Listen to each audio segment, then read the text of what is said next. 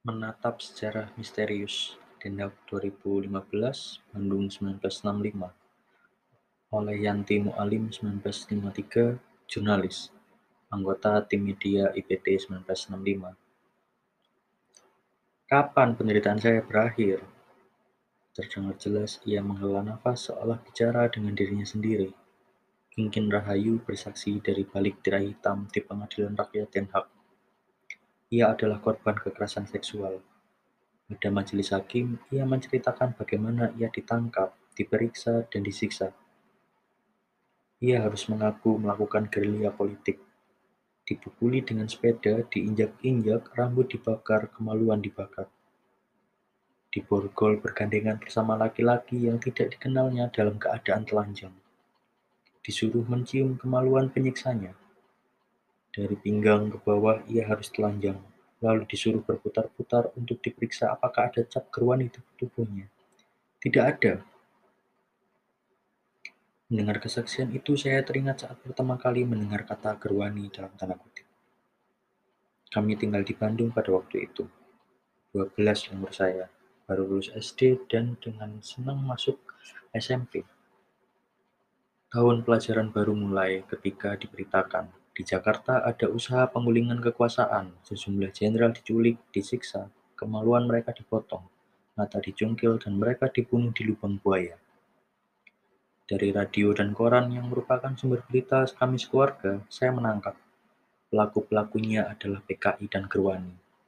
Gerwani bagi saya sebuah kata baru. Demikian juga genjer-genjer, lagunya Gerwani. The New Way Den Haag, November 2015.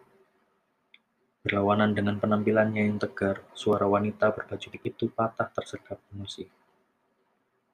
Setelah mendaham menahan isaknya, ia kemudian melanjutkan kisah kejadian pasangan muda yang diperintah berhubungan seks di muka para interrogator, sambil disetrum dan diejek. Interrogatornya kemudian memberi contoh pria gagah dalam tanda kutip dengan memperkosa sang istri di hadapan suaminya. Sebuah cuplikan kesaksian Prof. Dr. Saskia Wirenga di Pengadilan Rakyat di Den Haag dari 10 sampai 13 November 2015. Dalam bukunya Seksual Politik in Indonesia, Saskia Wirenga, pakar gender dari Universitas Amsterdam ini menulis bahwa hingga 1965 Gerwani adalah organisasi perempuan besar dan kuat, namun hancur akibat fitnah seksual yang direkayasa militer di bawah Jenderal Soeharto. Dalam penelitiannya di Indonesia sejak awal 1980-an, ia banyak berbicara dengan para korban kekerasan seksual. Ia menandaskan bahwa ratusan pengakuan para korban kekerasan seksual yang berhasil dikumpulkan berasal dari mereka yang masih hidup. Berapa jumlah korban yang meninggal setelah penganiayaan? Tidak diketahui. Belum lagi yang bunuh diri. Bukan hanya wanita, tapi juga banyak korban laki-laki. Ia mengenal laporan Komnas Perempuan yang berisi kesaksian para korban dan menggarisbawahi bahwa narasumber Komnas Perempuan dan narasumbernya berbeda. Dengan penjelasan saksi ahli ini kita mendapat gambaran lebih luas tentang kekerasan seksual di Indonesia seperti kesaksian Kingin Rahayu yang demikian menyayat hati. Kami tim media IPT mendengarkan kesaksian itu di ruang bawah tanah gereja di New York. Semua diam. Beberapa berlinang air mata dan di sana-sini terdengar orang menahan isak. Di monitor saya lihat para hakim menundukkan kepala mendengar cerita saksi dan rasa malu yang ditanggung korban kekerasan seksual. Saya ingat suara Kingkin Rahayu. Saya ingat logat bicaranya. Saya hormat pada saksi karena dia berani. Ia bertutur dengan tenang dan sopan tanpa nada benci. Sebelum menyebut nama penyiksanya yang paling kejam hingga dua kali, dia bertanya, "Boleh saya sebut namanya?" Bandung, paruh kedua 1965. Di rumah, saya ikut saya suka ikut-ikutan mendengar radio dan sebagai anak kecil, saya menangkap bahwa keadaan di negeri ini berubah setelah G30 SPKI dalam tanda kutip. Kedua singkatan itu disebut dalam satu tarikan napas. Tepatnya bagaimana, saya tidak tahu. Yang pasti sejak itu perbendaharaan kata saya bertambah dengan gerwani, baperki dalam tanda kurung Badan Permusyawaratan Kewarganegaraan Indonesia, Dewan Jenderal, dan juga nama-nama seperti Letkol Untung, Brigjen Suparjo, Kolonel Latif. Saya suka nguping, dalam tanda kutip, diskusi orang-orang dewasa sambil duduk di lantai main bekel. Walaupun keadaan berubah, keseharian saya sebagai anak berjalan biasa, dalam tanda kutip. Yang tidak biasa adalah di sekolah. Seringkali di tengah jam pelajaran, lonceng tiba-tiba berbunyi menandakan semua murid harus berkumpul di bangsal sekolah. Kepala sekolah mengumumkan, hari ini tidak ada pelajaran lagi, kami akan berdemonstrasi. Lalu kami berbaris dari Jalan Bahu Reksa menuju Jalan Asia Afrika melewati Gedung Merdeka, tempat diselenggarakan konferensi Asia Afrika yang bersejarah itu, sampai ke alun-alun. Kami harus ikut berdemonstrasi, ada daftar absensi, hanya yang sakit boleh tinggal di sekolah. Saya lihat banyak murid dari sekolah-sekolah lain. Pada demo itu sering terdengar teriakan, bubarkan PKI. Karena jam-jam pelajaran di sekolah acap kali dipotong mendadak, kurikulum setahun tidak rampung. Akibatnya kami sekolah satu setengah tahun untuk mengejar ketertinggalan. Saya tidak merasakan itu sebagai kerugian dan menganggapnya lumrah saja. Sama lumrahnya dengan waktu masih SD, ketika murid-murid diajak berdiri di pinggir jalan melambai-lambaikan tangan menyambut tamu agung. Entah itu Chou Enlai yang berdampingan dengan Presiden Soekarno ataupun Kim Il-sung. Bahkan saya bersama murid-murid lain ikut main angklung, maju tak gentar dan halo-halo Bandung di halaman kantor Gubernuran Bandung untuk tamu Kim Il-sung yang duduk berdampingan dengan Presiden Soekarno. Itu waktu saya masih SD, sekarang saya kelas 1 SMP, dan sepengertian saya keadaan berubah. Sekarang yang namanya musuh adalah PKI dan Gerwani, bukan lagi Cina. Seperti ada dinding pemisah antara yang benar dan yang salah. Kalau saja bukan komunis, kalau saja bukan Gerwani, kalau saja tidak terlibat G30S, kita oke. Kita berada di pihak yang benar. Kalau tadinya kami murid-murid sekolah berjajar di tepi jalan menyambut tamu negara, sekarang belajar sesuatu yang baru, PKI dan Gerwani harus ditumpas habis. Mereka musuh bangsa. Saya menelan itu sebagai suatu kebenaran tanpa mengetahui apa yang sedang terjadi di Indonesia. Tanpa mengetahui nasib mereka yang disebut musuh. Tanpa mengenal mereka, tanpa pernah mendengar suara mereka. Seperti apa wajah mereka? Saya juga tidak pernah bertanya lebih lanjut. Di sekolah senantiasa ditanamkan tugas pelajar adalah belajar. Baru di tahun 1970-an sebagai mahasiswa di Eropa saya membaca tentang adanya tahanan politik, tentang penganiayaan, pemerkosaan, dan pembunuhan di Indonesia. Salah satu sumber berita adalah Amnesty International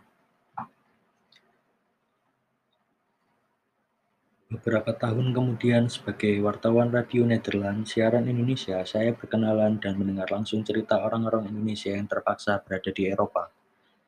Awal 1990-an, saya mewawancarai seorang wanita Indonesia, penjual parfum di Paris. Dia menguasai berbagai bahasa asing, sangat fasih. Dia beralih bicara dari bahasa Indonesia ke bahasa Inggris, ke bahasa Spanyol, ke bahasa Prancis, dengan begitu mudahnya. Dia dulu studi di Havana, terdampar di Paris karena tidak bisa pulang ke tanah air. Beginilah Indonesia menghargai para intelektualnya. Dia tidak sendiri. Jika saja tidak terjadi peristiwa 65, dia akan pulang ke tanah air sebagai sarjana lulusan Moskow. Namun nasibnya berakhir di dapur sebuah toko makanan Indonesia di Belanda. Setelah terlunta-lunta di Rusia, lewat Cina, dia sampai ke Belanda. Dua contoh orang yang terhalang pulang. Tidak banyak dari mereka yang mau menceritakan perjalanan hidup mereka hingga berakhir di negeri orang. Danny Kirk, Den Haag, November 2015. Salah seorang dari mereka yang terhalang pulang bersaksi di pengadilan rakyat di Den Haag, November 2015. Dari balik tirai hitam, rupanya masih sulit tampil terbuka. Bagi saya pribadi, pengadilan rakyat di Den Haag itu adalah bertetapan dengan bab sejarah misterius, ibarat masuk gedung dengan banyak pintu. Di belakang tiap pintu ada banyak kisah penderitaan, penganiayaan, pemerkosaan, dan pembunuhan, atau lebih tepatnya pembantaian. Berturut-turut mendengarkan langsung uraian para saksi korban dan saksi ahli, maka jelas kejahatan terhadap kemanusiaan ini terencana, tertata, dan terjadi di banyak tempat di Indonesia. Selain itu, ada keterlibatan negara-negara asing dalam kejahatan ini, terutama Amerika Serikat mendanai dan memberi dukungan politik dalam operasi peminasaan itu seperti dijelaskan oleh sejarawan Amerika Bradley Simpson pada majelis hakim di Den Haag. Sebuah pengalaman bekas bagi saya adalah ketika menerjemahkan ringkasan hasil penyelidikan Komnas HAM dari bahasa Indonesia ke dalam bahasa Belanda. Ini saya lakukan atas permintaan Nur Syahbani Kanca Sungkana sebagai persiapan tribunal. Menerjemahkan berbeda dari membaca, karena harus memahami sepenuhnya sebelum bisa mengalih bahasakan. Penerjemah simultan selama berlangsungnya pengadilan rakyat di Den Haag mengatakan sendiri pada saya bahwa secara mental menerjemahkan kesaksian dari bahasa Indonesia ke bahasa Inggris sangatlah berat. Bukan karena penguasaan bahasa, melainkan karena makna yang diterjemahkannya. Saya paham sekali. Laporan Bernardo Lucas yang saya terjemahkan itu memaparkan pelanggaran HAM berat di tanah air saya. Itu terjadi waktu saya masih murid sekolah waktu kami disuruh berdemo di alun-alun. Mengapa ketika itu begitu banyak orang yang tidak tahu? Saya merasa seolah-olah menerjemahkan kejadian di bumi lain. Besarnya pelanggaran HAM yang terjadi waktu itu semakin jelas dengan kesaksian Leslie Dewier, seorang ahli antropologi dari Princeton University, Amerika Serikat. Pada 1999, ia mengatakan penelitian di Bali tentang pelanggaran HAM berat setelah peristiwa 65 untuk itu, ia berbicara dengan para penyintas, keluarga korban, dan saksi mata pembantaian massal. Jumlah korban pembunuhan diperkirakan antara 80.000 sampai 120.000 orang. Ini merupakan 5-8 persen dari penduduk Bali saat itu. Sekurangnya ada 100 kuburan massal di Bali. Pembantaian di Bali dimulai Desember 1965 dan berlangsung hingga Maret 1966. Pelakunya adalah RPKAD, polisi setempat, Ansor, Banser, milisia lokal Tameng. Banser dari satu desa dibawa ke desa lain untuk melakukan pembunuhan. Ansor dari Jawa ditatangkan ke Bali untuk melakukan pembunuhan. Oleh karena itu, kekejaman terjadi selang beberapa bulan setelah 30 September.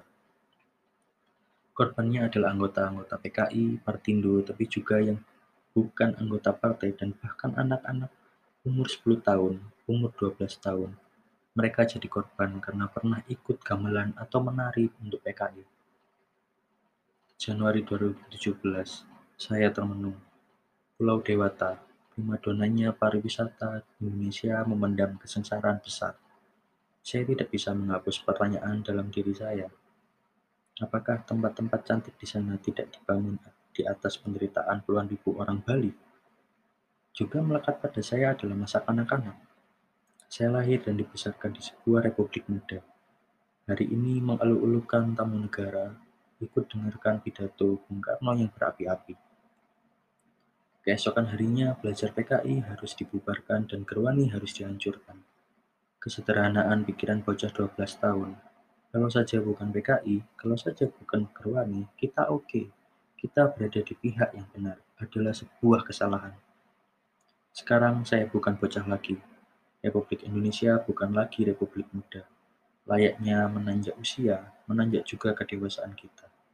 Indonesia yang saya inginkan adalah masyarakat majemuk, toleran, yang berdamai dengan sejarahnya secara utuh, bukan dengan kesadaran anak 12 tahun, melainkan dengan kedewasaan. Diambil dari beranda Tribunal halaman 109 sampai 115.